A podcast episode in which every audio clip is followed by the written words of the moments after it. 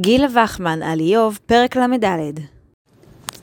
מהי הנשמה, והאם היא באמת שוקלת 21 גרם?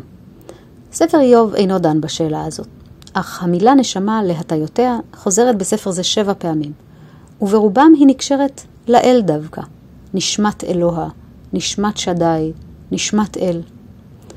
בנאומו השני מבקש אליהו להזכיר לקהל שומעיו כי משפטו של האל משפט צדק, וכי הוא הנותן חיים לאדם, ועל כן בידו גם הזכות ליטול חיים אלה.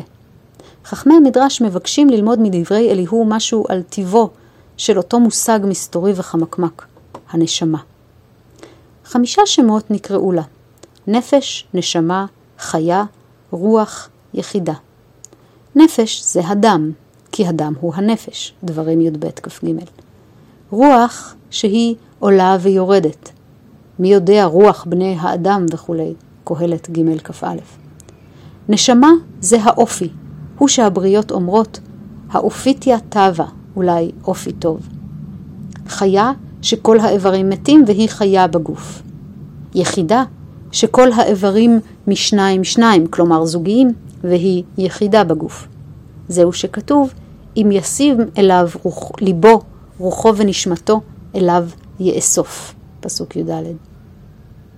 רבי יהושע ברבי נחמיה אמר, בשעה שאדם ישן, נשמה מחממת את הגוף שלא יישום, כלומר יהיה לשממה, וימות.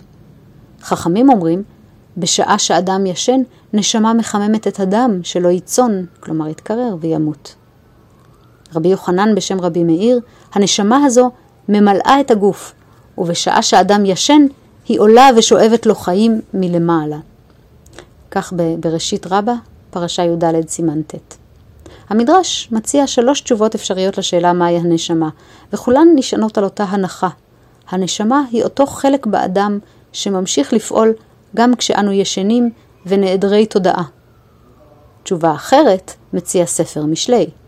נר אדוני נשמת אדם, חופש כל חדרי בטן.